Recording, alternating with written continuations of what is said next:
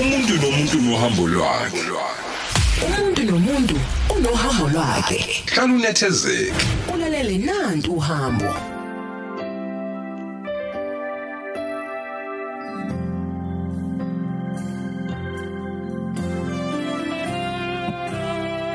Hambeli gazethe kade siloku siba nazo la emsakazweni wakho ukhozi FM njalo nje kusukela ngehora leshumi kuya kweleshumi nomuvo uhambo. Sibheka nje singena ohambeni lomuntu nomuntu sibheka ukuthi uzalwelwe phi wakhula kanjani eh wenza kanjani yena yedwa ukufika lapha safinyelele khona? Njengoke yethe enkulu kusuke ukukhuthaza nokukunikeza amandla nokubona ukuthi abanye abantu akuzange nje kwaba ukuthi kube nombhede wezimbali abehamba phezukwawo kodwa kaze kwaze kwabalula kakhulukazi uma ngabe usuku ukhuluma ngempumelelo yomuntu kakhulu umuntu omnyama. Sibamimileke baba baningi ngiyakukhumbuza nje ukuthi uzoya lapha yana kuma podcast ethu. Unga download unga download ke noma ngabe ke iyipi eh, isiphi sihambeli sethu siyasaba naso.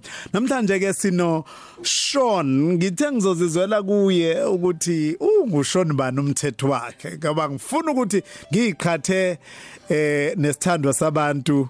Sithandwa sami nami. Sawubona Sean. Sawubona sibo sanibonani balandeli bokhozi. uyaphila Ngiyaphila. yeah intombi yasembumbulu. Lokho angisangabazi ngikubonile. Mbumbulu kai Impela la kanya khona ngehleza ila ngiphuma khona impela la. kanya khona ngehleza Hayi sikama ngehleza. eh zithambile inwele zalapho thina nje esinenkunzi malanga yalezi inwele zethu eh ongazi kuthiwa skirpot ngazi lithathwe plelo gama ngeke lilungihleza la Hayi cha me mengabe une skill pot impela nge lizokama lona ihlezi zofika ubot lenjani kodwa kusala uzokameka. okay sikubiza ngoshon bani manje Manje cha ngushona imkhize. Oh. okay. Intombi ibuyele ebusheni bayo. Niyamkhumbula ushana umkhize bantu basembumbulu. Uzalelwe khona embumbulu? Eh I think ngazalelwa eLamont ngaphinde ngaya eMpumbulu ngaphinde ngahamba. Oh, Kodwa kahle kahle ngosempumbulu. Uzala u- u- u- umabane kuzala kweyiphi insizwa? Ah, ngizama ngizalwa umahlombo hlanya. Umahlombo hlanya eh eshade umoto ziyaduma. Hayi ngeke lamagama abazali bakho. Umahlombo ohlanya eh wakamkhize. Yebo. Okay. Eh e- e- ethathe umoto ziyaduma. Injalo nje. Uma bani umoto ziyaduma? Okay. Umahlombo hlanya uma kahle kahle. Oh. So u u umkhizi umoto ziyaduma. Oh, okay wayomabani mawakho Umama Nqele. oh kamanqele oh Kamanqele kaDuyazi. oh okay Eh, kaduyazi kaDuyazi. okay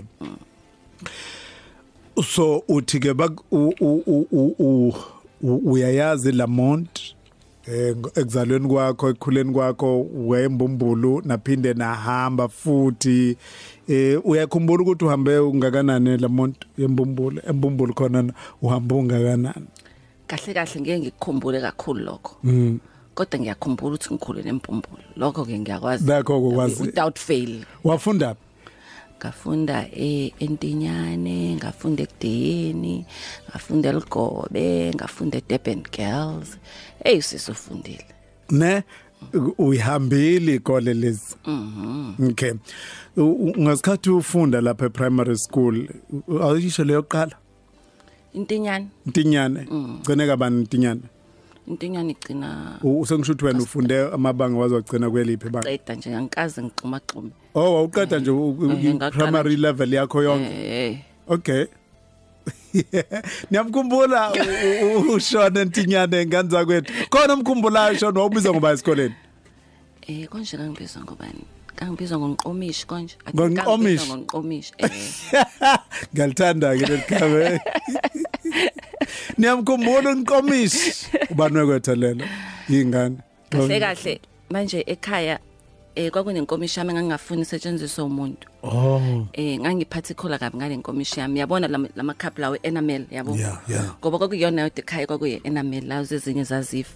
So mina fell in love with this enamel cup. Yeah, So le ngangafuna ngafika. ukuthi mhlawumbe abantu abayazi le en- le enamel cup. Kahle Yeah. kahle safaye ngiyifuna Yabo hawu le enamel. ucabanga usangayithola eh ngisangayithola for sure ikhona yabo le enamel inkomishi eh ayigugi le. eyami yayingazi ukuthi iyelwanyana yabo Yeah, umbala. ngiyabona. so ngangafuni umu- yabona umuntu mekathatha inkomishi yami ngithi akiri I couldn't call inkomishi inkomishi because i think mhlambe ngangakwazi ukuyipronounce so i was saying inkomishi hey ngike ngayisola ke le ngeke ngayisola leyo inkomishi yakhe Ba- ba- bakhona abantu sabakhumbula eh owawu- owawufunda nabo noma ukhule nabo koLamonti ngalesa sikhathi okufunda kwakhe primary school. Eh osuhlangane nabo manje ebudaleni benu. Ish kunzima engihlangana nabo manje kudaleni bami konje wathi ngicabanga. Mm ey enani nabo lapha eh, eh, bas- usabizwa ngonqomishi ish manje besikhula asibe sahlangana eh mhlawumbe kufanele kwenziwe lento ekuthiwa i-reunion. Ne. Yabo kinga manje ukuthi siyo siyo- ubani oyomemezela sengasiza thina la emsakazweni. Kodwa ke senzeni i-reunion yabo. Ukuthi bantu ababefunda It's funny yazi ukuthi angikaze ngempela ngimbona umuntu engangifunda naye from back then. Ukuthi phela nga- angihambanga kahle embumbulu akire ekha- ngahamba embumbulu kushisiwe ekhaya. Yabo oh yeah. Eh then ke ngase ngiyakhula ke sengimdala nga- ngacabanga ukuthi no no no i need to go back home. Mm. and uh, because my father was there.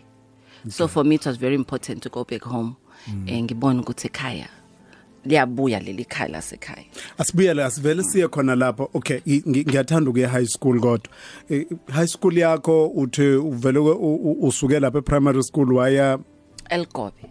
Elgobe? Yes. Wafunda iminyaka emingaki eh elgobe ngafunda ngaze ngafika kumatriculation inkinga yami manje mina khona amaklasi engangiweqi ngangawafundi oh. Eh kwakuseqiswa manje angazi indaba ingane engaseqiswa manje esikoleni. Kodwa weshona uyazi ukuthi mina nje bengithi ngiyafika kuthiwa akuseqiswa. Ngangikulungela ukweqiswa nami. Nawo kulungela ukuthi ngangiwe ngangikulungele nami ukweqiswa kodwa nje angizange ngibe nenhlanhla yokweqiswa mina. Ngempela indaba ingane engaseqiswa.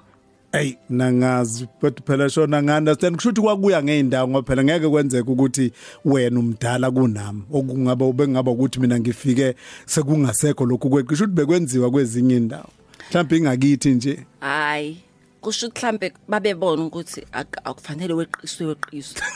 Mina ngangeqiswa ngeqiswa uma wakwazi- seyayikhulunywa kodwa phela indawo ukuthi bekumele ngabuye eqiswa nje. Ukuba isimo savuma ngabuye eqiswa nje. Babekurobha Ne. Abantu bayarobhana nje fanele ngabakweqisa ngicama ngifuna isikhathi sami. Ufunda lapha yana uyeqiswa uyeqiswa elugobe. Ikuphi ke lugobe ilugobe ise where is this place? Eh embumbulu okay. Isembumbulu oh isembumbulo othisho bakhumbulayo ngaleso sikhathi mhlawumbe ke wahlangana naye eh ebudaleni bakho akekho? Ha bakhona. Bakhona. Mm. oh me miss ban member thisho ban ubahlela uthishihlela uthishindokweni eh principal ah principal wami ngangimthanda kakhulu. Yeah. baba umwandla Baba Umwandla. eh no memakhanya the actually i think they follow me they see where i am and they're very proud and you'll see them obaba mzuza obaba thishinzuza they'll still phone me. Phoko Durban girls ke manje ufika kanjani? Inkinga zami ziningi. Ne? Akiri ubaba wami bambulala yabo so bembulala ubaba le ndaba zepolitiki. Kwase kuthi umngane wakhe omkhulu best friend kababa wajika baba meseshonile wamboshisa ekhaya. So meshisa ekhaya eh mina ngangiku matric so angibhalanga umatric. Oh. So kwafanele ngihambeke i couldn't go back ngibuyele embumbulu because umuzi ongasekho ekhaya sasingesenamuzi. So umatric ngangawubhala. Ngahamba sohlala isigname khona la khona indawo la la isigname yeyintandane la engiphuma khona lapho. Yo. So mehlele lapha eintandaneni ke then uma wase e- engenzela ama arrangements yokuthi ngiqale phansi ngiyofunda e Durban Girls for my matric. That's where ke i done i've done my matric Durban. Girls. Ba- bakwemukela bakwazi ukwemukela lapho uzofunda matric ngiyacabanga nje babe ngeke efana no Durban bangamukeli Girls. kakhulu ngoba ama results ama yinqenqezela nje wodwa. Akwangaba nzima. Ngiyacabanga ukufika ngibe- ngi- ngi- ngizama ukubheka iculture yako Durban girls eh nalapho phuma khona. Hayi akubanga nzima kakhulu because i think isimo sami kwakushiya ukuthi i was supposed to write umatric ngonyaka odlule. So wawukulungele phela vele. ngangawubhala umatric ngafunda unyaka wonke and then i didn't write umatric then base beyangifaka. Sikhuluma ke no Sean Mkhize eh ziningi izinto ongafisa ukuzazi ngoSean. Uzosicocela uzosicocela sihlalele nje.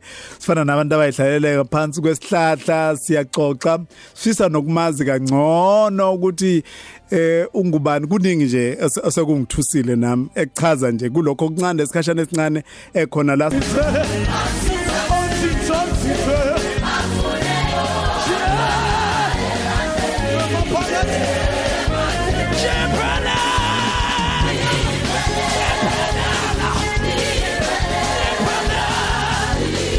Umalanga praise basinika ingoma ethi ahamba yoyifune yodwa edukile elahlekile eintabeni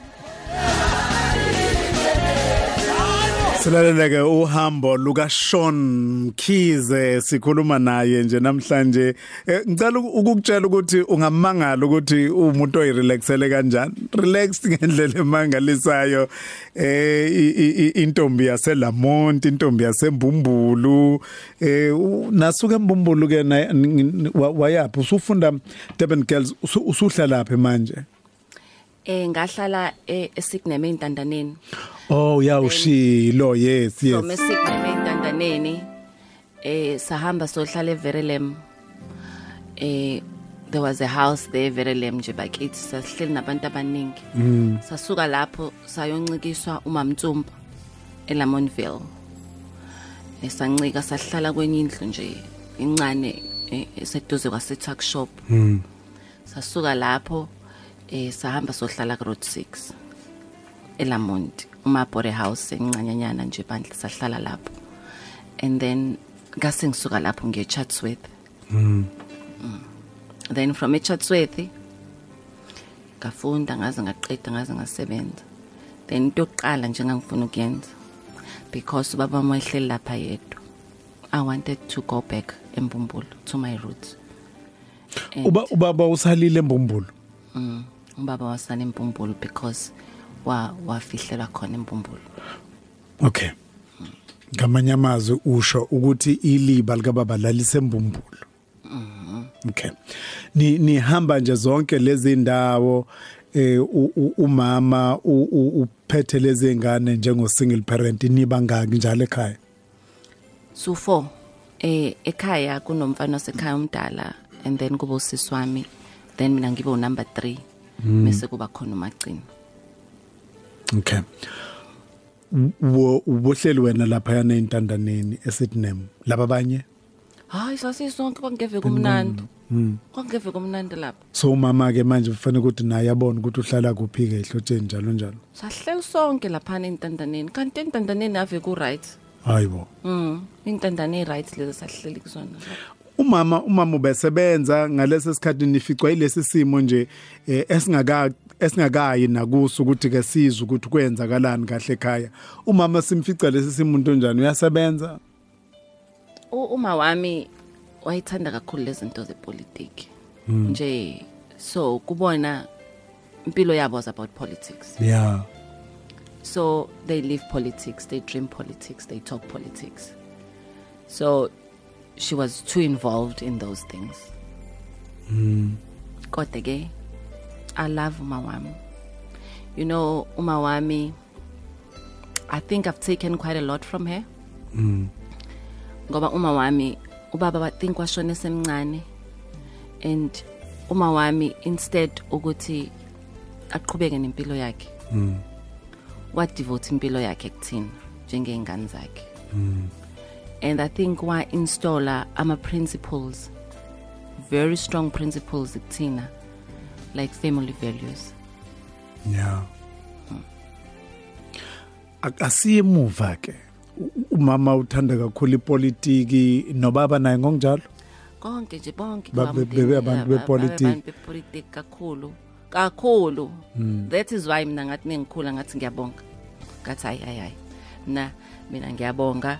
Ngiyabonga ipolitiki eh, mina ngusomabhizinisi mina ngiyabonga. Wazenzela lesi sinqumo ebuncaneni bakho nje? Okay. E- Ekhaya kufika lesi is- isimo esibhlungu kangaka osichazayo eh yi- yiziphi ikhathi lezi ikhathi zo zodlame kakhulu political riots azazikhona political violence ezikhona ngalezi ikhathi em kwaku kwakuyini kubangwani? Eh ngikhula ipolitiki was not like this njengoba injengamanje i think ng- ngisakhula mina ngimncane ngikhulele ipolitiki inkulu kakhulu. Kwakuliwa nje kwakudujulwana kwakubulawana kwakuliwa kwaku- khona yayingakabizwa nge-ANC angiyazi yayibizwa ngani. Khona igama umkhonto wesizwe yinkonje kwakushiwo njalo kwakuthiwa yini? Angisazi ngisakhumbula. Usho into- ikhathi ze i- i- ANC ingaka ingakavulwa umlomo sathiwa UDF usho ngaleso sikhathi. Ngalezo ikhathi ngoba ngoba if yazi usisi wami uzizo i think ngadecide ukuyiblocker my childhood life because i think it was horrible. Mm. you know wawukuvuka ekuseni eh hayi ekuseni uvukulele empedeni sesendontsiwe senibekwe phansi khulu ukuthi phansi seqhuma amathiye gas endlini. Nampa amabelunga abakhulu ingqungqungqu seziyanikhipha ziyanidonsa so most of my childhood life i think ngayiblock because some of the things ezazenzeka ngikhula. Like there are people akathi usisi wami how lo ehlala ekhaya nje i don't recall them. Because i think ngadecide nje ukuthi my childhood life let me block it. And i think usisi wami yena yam affecta because if ubuka usisi wami njengamanje awu bakithi wa affecteka and sometimes things that happen to us mesiyingane and you don't undergo psychological help yeah. they end up affecting you. Yeah kufanele. U- u- uyena obemdala ekhaya? Yes. Ngiyacabanga ukuthi so i- i i- pressure en- i- i- ibithathwa uyena kakhulu nina nizi nizingane. Abazali i- ikhona lento yokuthi kuthiwe niyayithanda ipolitiki. Uthola ukuthi anikho active kakhulu sengisho ukuthi nize nibe sebuholini baye ipolitiki. Abakho bebe ze babe baholi kwipolitiki be- be- be- behola la kwipolitiki? Hayi bona bebe active kakhulu ba- babehola because babeganane ngokwazana umthetho wabo. Ubaba wami nje kwi- endaweni lapha embumbulu yena waqala eh eh ngoba phela le le le le le UDF le kwakungavumelekile ekuqaleni.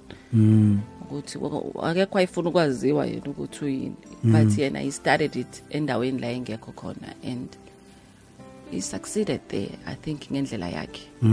Eh or create base yakhe.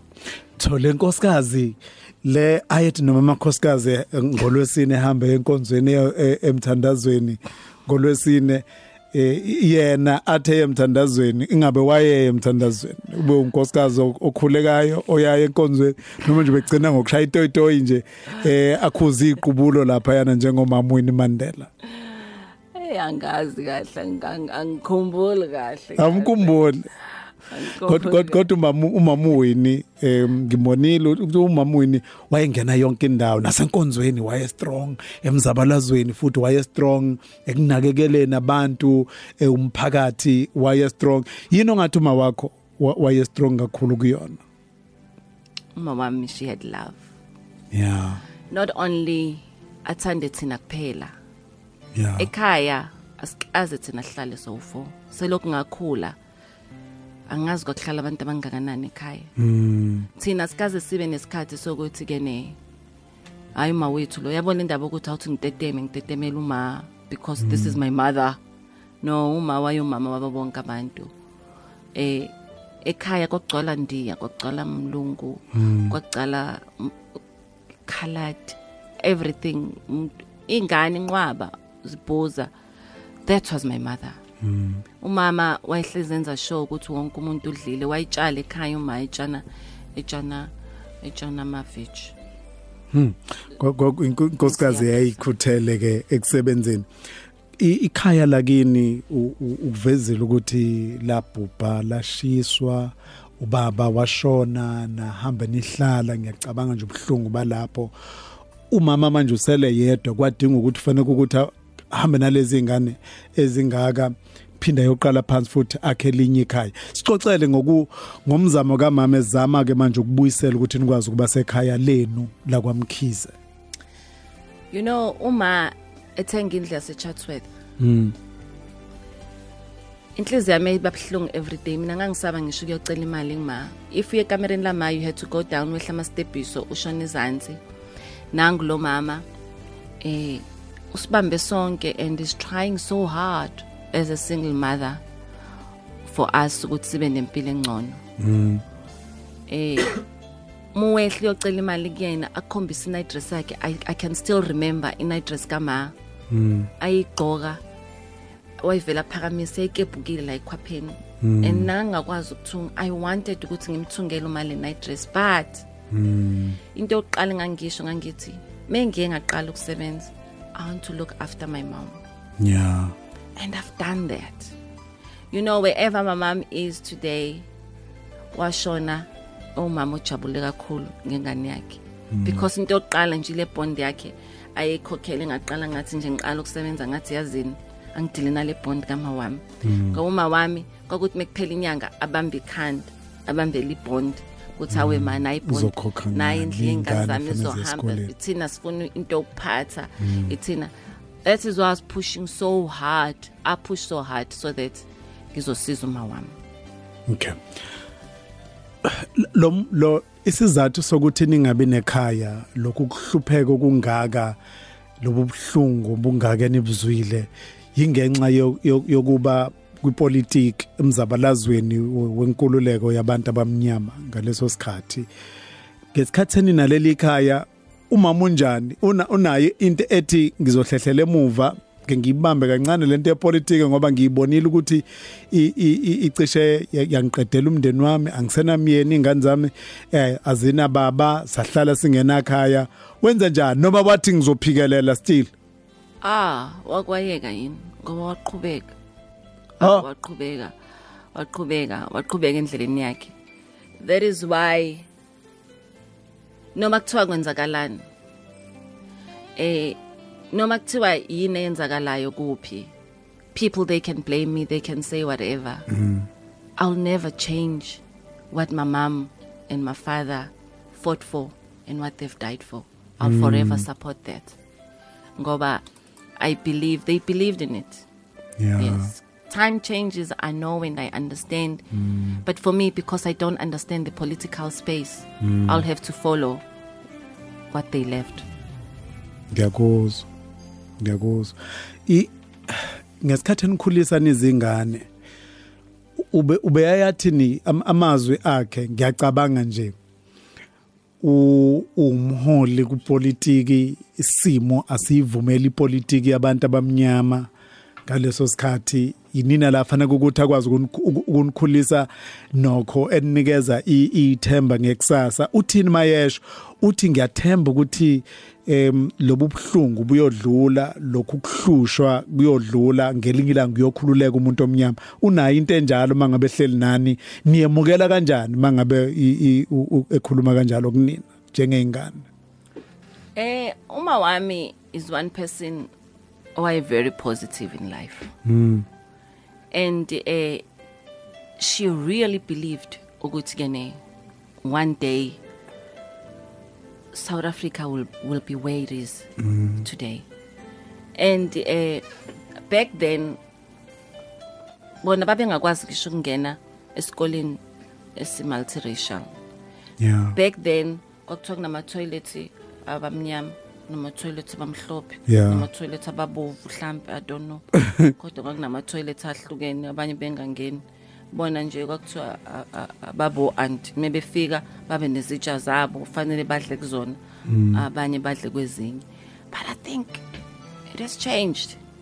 Seeing us being able to speak english seeing us being able to go to school nezinye inhlanga seeing south africa being such a beautiful rainbow nation it, it, it, it's such a beautiful thing. And you know when wherever where they are i'm sure they can see ukuthi this is what we're fighting for. Una u1990 um umama ufike um, umama besaphila ngithi right? 1990 ngesikhathi kukhululwa um inhlangano zepolitiki. Sakhumbula kahle. Yeah. Yeah okay. So so kusho ukuthi kusho ukuthi awuzukhumbula nango 1994 ke em ngis- ngesikhathi se- sekuthiwa ke manje nali ithuba lokuthi sesiyovota njengabantu abamnyama ngoba ngizama ukubheka nina kakhulu ngizama uku- uku- ukuza- ukwakha isithombe se- senu njengeingane ezikhulele kulomndeni wepolitiki kodwa ingekho into enhle nibonayo kulento yepolitiki ngoba kunalokho enihlukumezile nina njengeingane kuthi 1990 kinina na uthatha kanjani? Nabona sengazi ukuthi kuyantwele ezantsi kuyasa. Noma ku 1994 waletha inithemba lelo khuluma ngalo manje usukhulu sukwazi manje ukubona ukuthi yes indeed a rainbow nation iSouth Africa muyibuka namhlanje. But ngalezo ikhathi yayikhona into ethi hayi kungathi kuyashintsha ngempela. Ungathi leli kusasa umama ekhuluma ngalo nanti siyalibona liyafika. If I may put it, I think mina I'm a true example of liberation. I think I'm a true example of what our fathers and mothers they fought for back then. Because I wouldn't have this opportunity leng nayo njengamanje. Eh if it was back then. And eh ngiyaye ngisho abanye abantu baye bathi kene I've achieved what I have because I'm politically connected. Sometimes it's not true. ngifuna ukuthi lento uyikhulume eh ku- ku- kuzwe nogogo wami. U- u- ngoba ugogo wami uyozophinda khulume nalengane yakhe elahla ithemba manje. Ingakho ngifuna ukuthi uyiphinde lento eshoyo ngesizulu uyisho ngesizulu. Ukuthi uma sibuka wena sibuka umuntu ongaba uphawu lwenkululeko. Ngamanye amazwi uyavuma ukuthi impela inkululeko ifikile kubantu baseningizimu Afrika. Em kodwa uveza le le- le lengxenye ethi nakuba abanye abantu becabanga ukuthi impumelelo yakho ingenxa yokuthi ubumuntu oxhumene nepolitiki kwasengazi ukuthi khona lapho ufuna ukusitshela khona. Ufuna ukuthi no akunjalo. Ngifuna ukuthi yes eh njengoba nginjena eh ngisibonelo senkululeko. Kodwa bakhona abanye abahlukumezeka nabanye abantu abazali baba babepolitiki as my parent were in politics abangazange ukusebenzisa amathuba mengabe bewabona to their advantage. Ngamanye amazwi kulele kumuntu. Kulele Ukuthi- kumuntu. Ukuthi lamathuba inkululeko ewalethile uwasebenzisa kanjani loyo muntu? Injalo. Okay. Lungile nosihle sisibone ukuthi sinayo ini voice note esiyitholayo. Eh sikhuluma no Sean Mkhize ebenimazi njengo Sean Pisane uzositshela ukuthi kwenzekeni shintshe phi Eh futhi sibo eh umthembeni wangcamsima. Ah uShon mfowethu osisa bakhulele endaweni ngiyabazi kodwa kakhulukazi ngoba phela umuntu wesilisa beshela ubhuti wabo sibu yabo be right nje kubo babwaba bemuntu oquiet yabo? Ubeleke neqhaza vele entweni ekade zenzeka embumbulu babantu abaphumelela noma wakhe umasibhenzu siyamazi. Nabo siyamazi yabo? Noma ke lelikashoni ngahle ngasakhumbuli ngicasi likhona lizulu mhlambe lini la likhona. Ingane zakubo nje encane osiphe yabo? Bafana bezemva kwethu but ke kodwa ke chaze nofunde nodade wethu ophela incama mawukhumbula nje uzokhumbula umndeni wangcama embumbulu babe close kakhulu nobaba wakho. So eh nokushona kababa wakhe siyakwazi into njengalezo bathwalile bona kanzima. So ngiyambongela impumelelo yakhe shem. Li li- liyalithini igama lakho ah, lesizulu? Ngale kwaleli ledlaliso likaNqomishi umabonke oh umabongi. Mabongi ke lona ngani yakwethu? Uyayikhumbula le le family akhuluma ngayo? Abantu bakangcama ngiyabakhumbula kahle. Ba- baningi abantu bangcama ngiyabakhumbula ngathi ngiyamkhumbula ngiyabakhumbula. Okay. Bona sayithola inenye futhi the voice note. Sizwe- futhi sibu umndeni wamkhize siyawazi sikhule nabo endaweni. Zonke izehlo udade azibalayo siyazazi ezehlile eh babwakhe eh elimala emlazi police station. Ukushona kwakhe uphoyisa umvuyane ufana wasemlazi umvuyane oyiphoyisa imbulala eh ukuze kube ubhuti wakhe nawe emandla kwi-struggle. So sebesuka nje behamba nathi emva kwabo ngicathi salandela ngaso sikhathi leso ngoba ubaba wethu close nobaba wethu endaweni. So sonke-ke sasi kuleso simo esinjalo. Kuyinto engaka andi kakhulu-ke ivamise nje emalokishini emakhaya kwangeyona into elokhuzana kwakuseyivela kancane indaba zepolitiki. But-ke kodwa phambili nje kusahlangene kusathiwa kulo impilo zeyigodi kwekwaziwa ukuthi okay kubanjiswene sorry obaba wakhe umkhize olokhuzana ubaba wakhe-ke msori isikhathi esiningi wangingabizwa angazi wenziwa yini? Kungathithi ubhuti okhulule endaweni nje ngoba kwakuthiwa usipho. Yabo usipho umkhize but kokona kwakuba umuntu omdala but kodwa igama ladume kakhulu. Kwakuthiwa uyena usipho mkhize but even though kwakuwubaba umdala yabo mr mkhize. So into enjalo siyazazi nje endaweni sikhole bona isikole sibala into enyani siyayazi. Indonyela ngiyaya ideyeni ngiyayazi indonyela nelikhobe nami elikhobe futhi ngifundile khona. So nje yabo saba fana endaweni. Zonke izinto lezi ezinye ey'nzimana zehle impela amehle sevulekile sesihlakaniphile yabo siyakwazi konke nokusha komuzi wakubo yabo zonke izinto ey'njalo. Khona konke izinto ezimnandi yabo. Wena uma umuntu ozaziyo ukhulule khona endaweni ukukhumbula konke lokho yabo ukuthi kwakuyisikhathi esinzima. Ngoba nayikho into enzima lethi ungafika wakhe mase kuqhamuka abantu njengalula bashise yabo zonke into njengazo but kodwa ngiyambongela ngoba-ke usebuye baba right kubo nodukhuzana umfana lo mncane wamagcino usiphelele yes yabo. But-ko ngicathi bakhona abanye babe bancane bekhona othalente cathi kwakuyihlobo zakhona-ke ezinye. Uma uzwa abantu aba bakhumbula ikhathi zokukhula kwenu em yini efikayo nje? Ngimsho ukuthi akukaningi uzothola abantu abazophinda bakukhumbuze lesi sikhathi esinjengalesi. Kahle kahle kufika umonyo because yabona mengabe sengihlupheka. Yabo nje njengoba uSARS kade nginwephune engidonse engidonse engidonse. Kangisho nje ngithi yabona mama baba uyaphila ngabe yonke lento abayenza kumina bayenza ubaba ubaba ngizwa umlaleli la ethi washonela washonela police station ngiconfused kancane. Ngoba ngithi ngicabanga ukuthi lapho fanele ngabe usuphephe khona phela umo lapho Kunga- nga- unga- ungasinikeza kancane isithombe sokudlula kababa kulesi simo asichazayo umlaleli Eh ubaba wami he was too involved in politics. Why why why ngene kakhulu. So kwafika amaphoyisa ekhaya ezomfuna ezombopha. Wayengekho. Njoba ngisho ukuthi thina sasishonga amathi gas now and again mabhuno. So afika zombopha then I think ubaba wathi no akakwazi manje usekhathele ukuthi umndeni wakhe uhlezi ohlukunyezwa kanje. Khona ummeli okwakulinda nzama i think usaphila usisilinda nzama. Uya- uyaphila empeleni nje besifanele sibe naye kuhambo before kuphele unyaka. Eh uyaphila i think use primus office manje. U- usisilinda nzama i remember her she was such a beautiful lady tall. I can still feel her high heels getting into my house ezothatha ubaba. Ubaba ethi ufuna ukuyihambisa yini emaphoyiseni. Then ubaba wayihambisa emaphoyiseni waya ngempela epolice station. Sahamba nosisi wami siyobona ubaba ubaba wathi asami somlandela ublanket. Mase sibuya kolandela ubaba ublanket eh kwathiwa ubaba usemuviwa ngazo uyiswe kuphi kuphi. Eh thina sabona ubaba endabeni?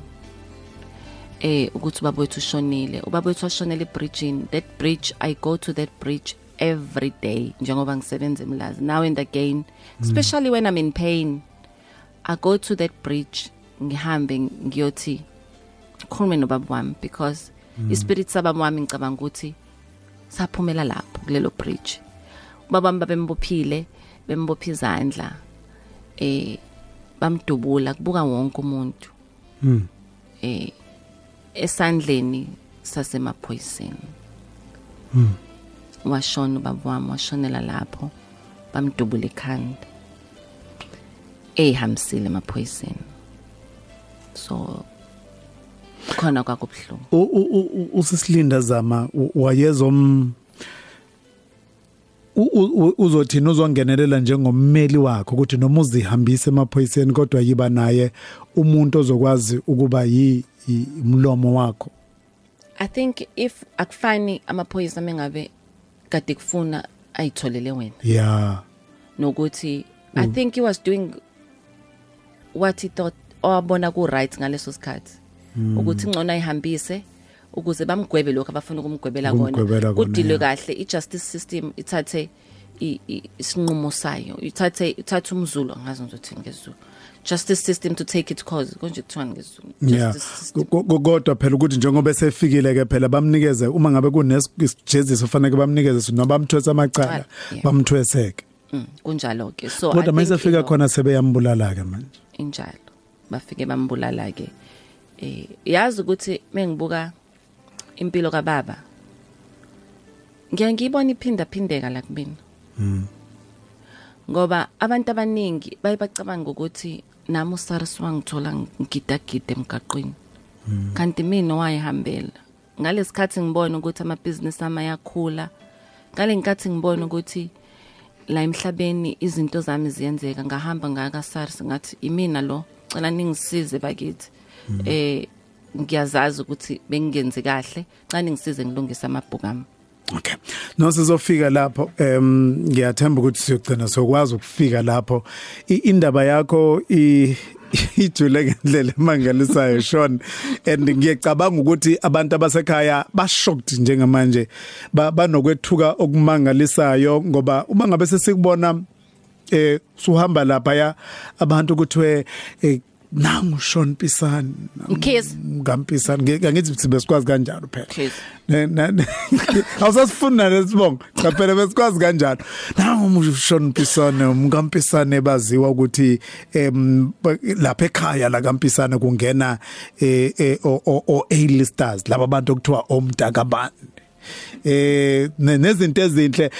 Umuntu angakhumbula ukuthi mayisethola lolu lwazi ukuthi kanti ushona udlule endaweni ezinje. Omunye athi hey bafowethu ngiyamangala. So ingakho ngithi abaningi ba shocked namhlanje. Ngakho ke sidayise siyabuya soqhubeka nosho nangale kwezindaba.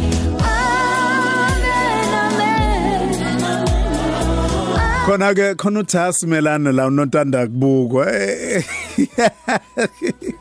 Ubazi bonke uDebra lo mazi kahle naye. Sis Debra Fraser eh athiwa ngibonisa uthando. Themba uthi yaphila ke siswami lapha emaplazini lapho khona. Eh uthi angikhonza utha uthi ngikutshela ukuthi uyakukhumbula mngani wakhe. Umuntu nomuntu nohambo lwakhe. Umuntu nomuntu unohambo lwakhe. Hlala unethezeke ulalele nanti uhambo. Everything around me.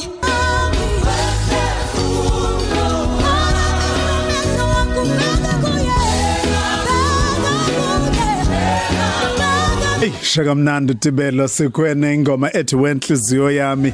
Mawubheke kuye ubheke kuye amehlakho uwathi njo kuye zithi zenzeka izinto kodwa ububheke kuye. uNkulunkulu omuhle uNkulunkulu onjalo. Sikhuluma ke no Sean Mkhize ekuyena ke silalela uhambo lwakhe namhlanje.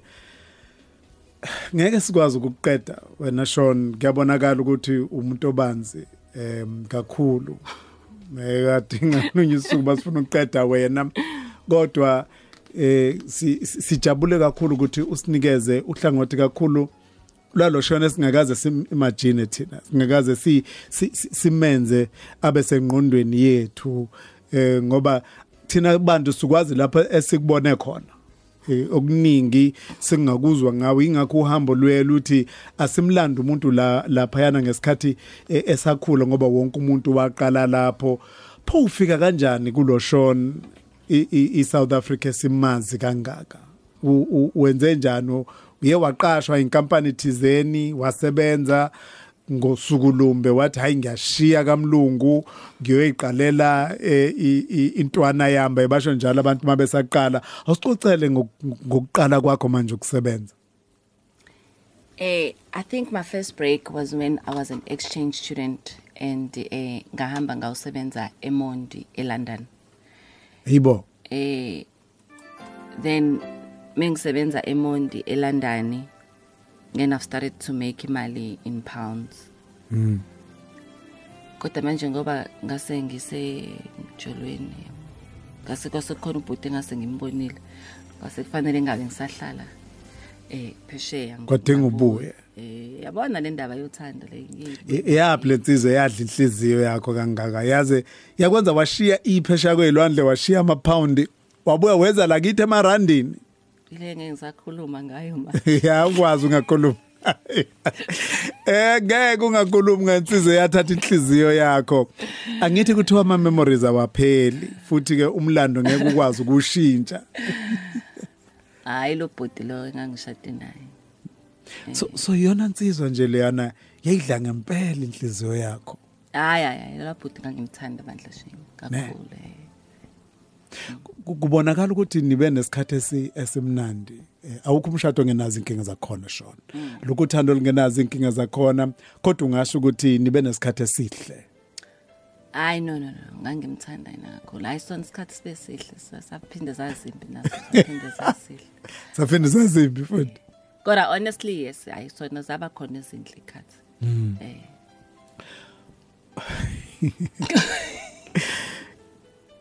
Wa- wabuya lapho mubuya uzo u- uzophinda ufuna umsebenzi. Umonda ngithi ukhona nala South Africa? Noma kuyena umonda ofanayo lesikhuluma no no no ah, akusiwona o- ofanayo. Oh. ngabuya mengibuya la ngahamba ngosebenza ka engine engine refinery eh ngaqala yini? Une background ye engineer ne ne- ne background yokuba ne Hey, uphatha imali uphatha zabantu. ufunde phi uyifundele phi lo afunde eSaltani ngasuka eSaltani ngakwenza ku School of Excellence. Ha. sangenza degree yami. So yeah. Okay. Wa- wasebenza lapha yana ke ku- kwa re- kwa refinery waze waba wenza njani? Ngasuka ka Ya-resign? engine refinery ngakamoni kam ubani? Umondli konje umondli konje lo lapha ngasesiphingo Mm.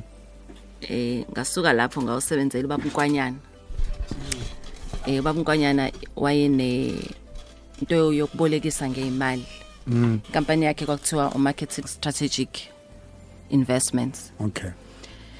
Then I, I needed to set up into zakhe ukuze zihambe kahle. Hey manje imali engangiyibala lapha zazinkulu kakhulu. Ngagcina sengibona ukuthi hayi mina ngisakwazi manje ukubala imali zabanye abantu sengifuna ukubala ezami imali. When i was pregnant with andile ngavele ngaresign nje ngavele ngavuka ekuseni ngathi mina ngiyaresign when i find out ukuthi i was pregnant and i was pregnant with andile then ngavele ngathi hayi mina sengiyaresign ngangena plan ke ngicela ukukutshena kodwa ngase ngazi ukuthi angisafuni ukubala imali zabantu sengifuna ukubala ezabo. Yeah washiya kanjalo? Yep. Uthembeni ke u- isinyathelo so- so- sokuqala sithini? Pregnant nje kokuqala uyeke emsebenzini eh noma uthemba ukuthi insizwa le izo- izokuzama? Hayi kangaze ke ngifuna ukuthembela emntwini selokungazana nje. Mina ngu- ngusisi o- oyimele. Hayi ngasuka lapho ngahamba khona inkampani kwakuthiwa Leach Landscape. Yayinabasebenzi abaningi. Ngiyazi kahle. Eh ngoba nganginemali eningi ngacela ukubaboleka imali. Akiri ngangiphuma la kubolekiswa khona imali. Oh. Eh oh uzoboleka abasebenzi bala baboleka abasebenzi base Leach Landscape imali. Then u Leach Landscape angideductele kubona. Oh. Eh ngabona hayi le ayingisebenzeli ngahamba ngaya ka Garden Ferroof and Krause. Hey! U Garden Ferroof and Krause it was a big company nje. Ngangena khona. Ngathi cela ukuni renovate ikole ngicela ukuqala ngeza sembumbulo ukuqala babenzani bona? Babe renovator kwakuyi kwakuyinkampani nje yayi renovator okay. Then ngahamba ngihambe ngifaka ama wind ezikoleni khuleka kuba- ngamanye kuba amazwi ucela ukuba ngangifa-ke. i-subcontractor kubona? Yep. Umina njalo loyo. Okay. Ngahamba ngafaka ama-wind. Eyi ngabona ukuthi hayi le mali le ikhona kodwa hayi ayikathi kahla ayikathi eh ngahamba eh ngakamasipala kwakukhona ubhodi lapho kwakuthiwa ukhokhi phatha ngahlala e-ofisini lalo wabhodi wayi-head ngingamazi ngimncenga nje ngithi ngisacane nginike opportunity ake ningizameni bakithi anginike noma izindlu eziwu-two noma eziwu-five noma eziwu-seven ngizakhe nje. Mengike ngahluleka nje ukuzakha lezo zindlu longile ningiphuci awu bandla nkosi yami ubhudi nje oqala wayengafuni ukungibona. Ngahlale yeso ngathi lo bhudi lo uzoza ngibona. Ngahlala lapha ya ofisini lakhe. Ngathi kulungile ngizolinda. Ngangifike ekuseni ngihamba intambama ngifike ekuseni ngihamba intambama ngelanga lesithathu wazi wangibona. Wathi sisi kwenze njani? Ngathi ngithi ngicane nginikeza ithuba? Ngiyacela nje. Kiri ngiyacela bakithi. Hey.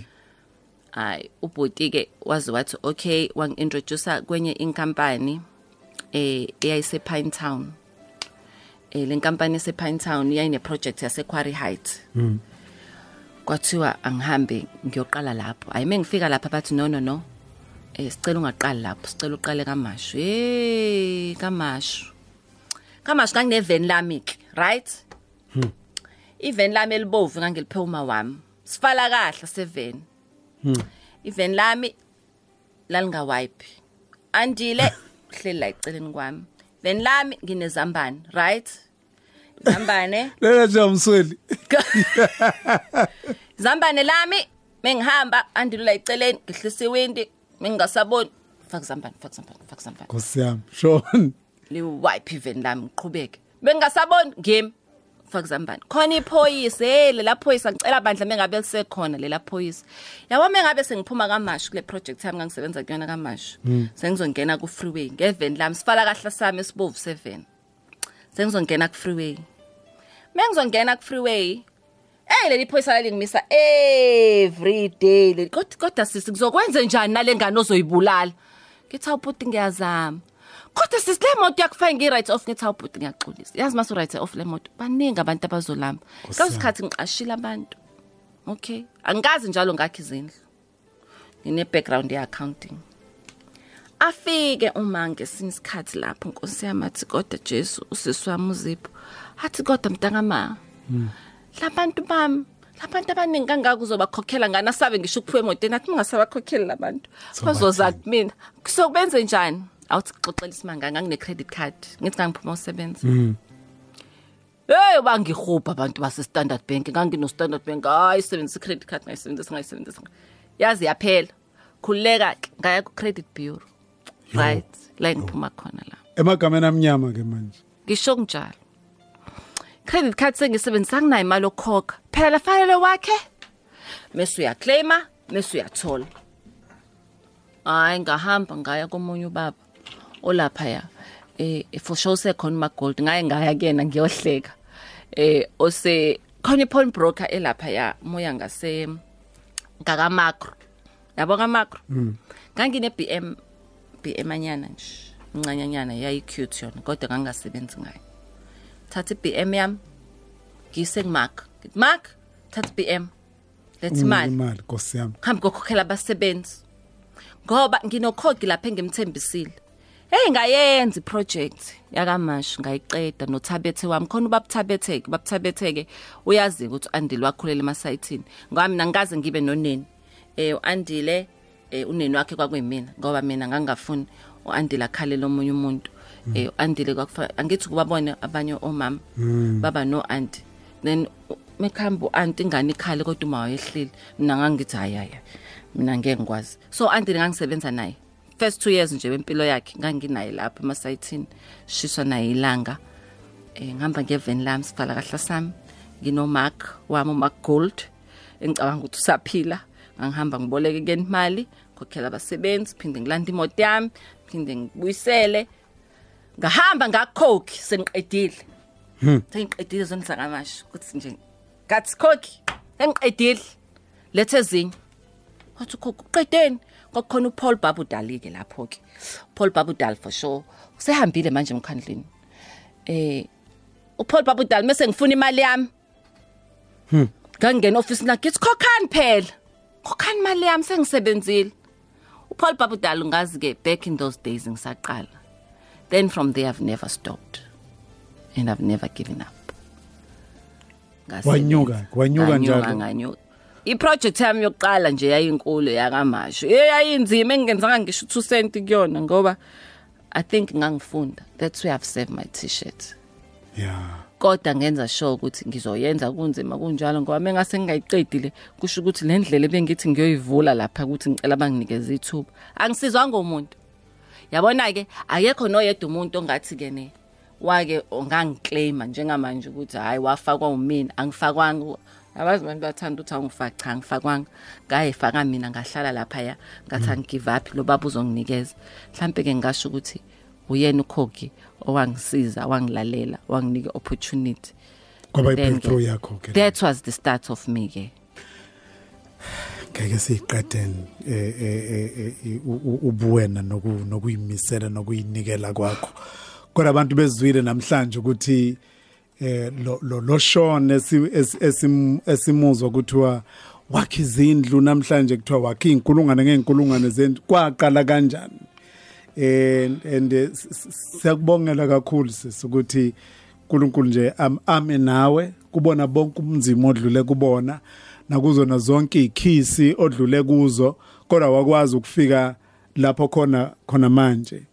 Em kuningi besangakubuza isikhathi sethu esingazivumeli kuningi besingathanda ukwazi ngawe kodwa ngicabanga ukuthi eh u- u- u- usangasiphinde us- usithathe isimemo sethu masingaphinde mhlawumbe nje.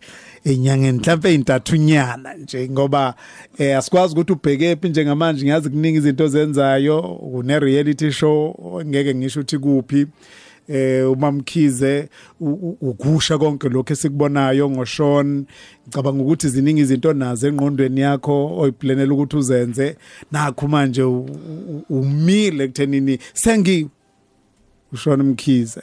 Lokho nje kukodwa kusitshela ukuthi kunomcabango omusha. Mhlawumbe izwi lakho lokugcina kubantu abakukhonzile nabakuthandayo ongavalelisa ngalo nje.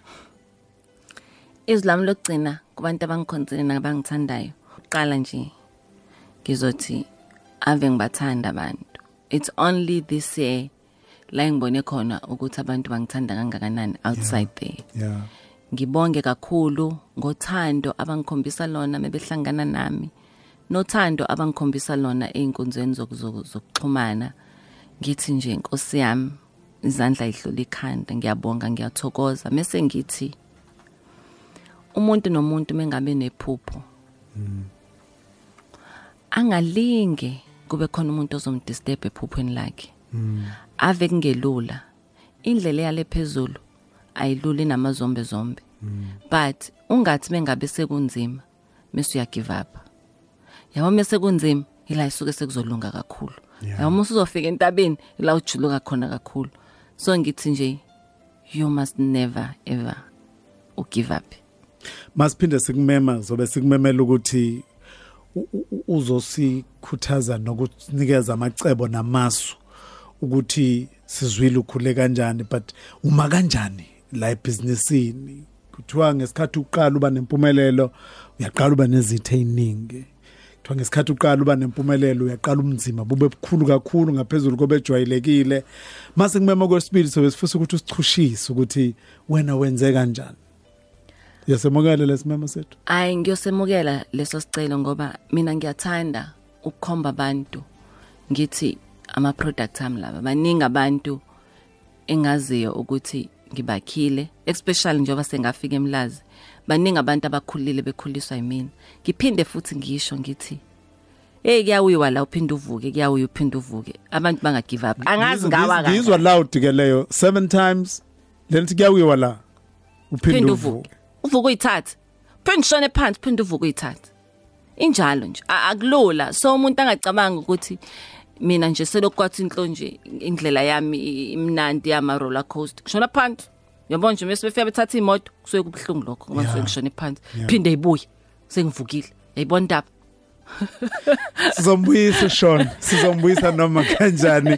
Azo azontshela eh azoseluleka ukuthi yena wenze kanjani. Sabonga kakhulu ngani yakwethu. uNkulunkulu agcine nje abe nawe. Ngizokukhipha ngizokuphelezela ngale ngoma ethi ukhona umoya ngcwele injalo. Siyabonga kakhulu. Ngiyabonga kakhulu sibonge ngibonge nakubalaleli for listening. Okay. Eh i i mm, ngathi khona ku Instagram @umamkhize. at kwa underscore mam kize At- at kwa underscore mam kize uhambo kwindumiso nosibungu thelezi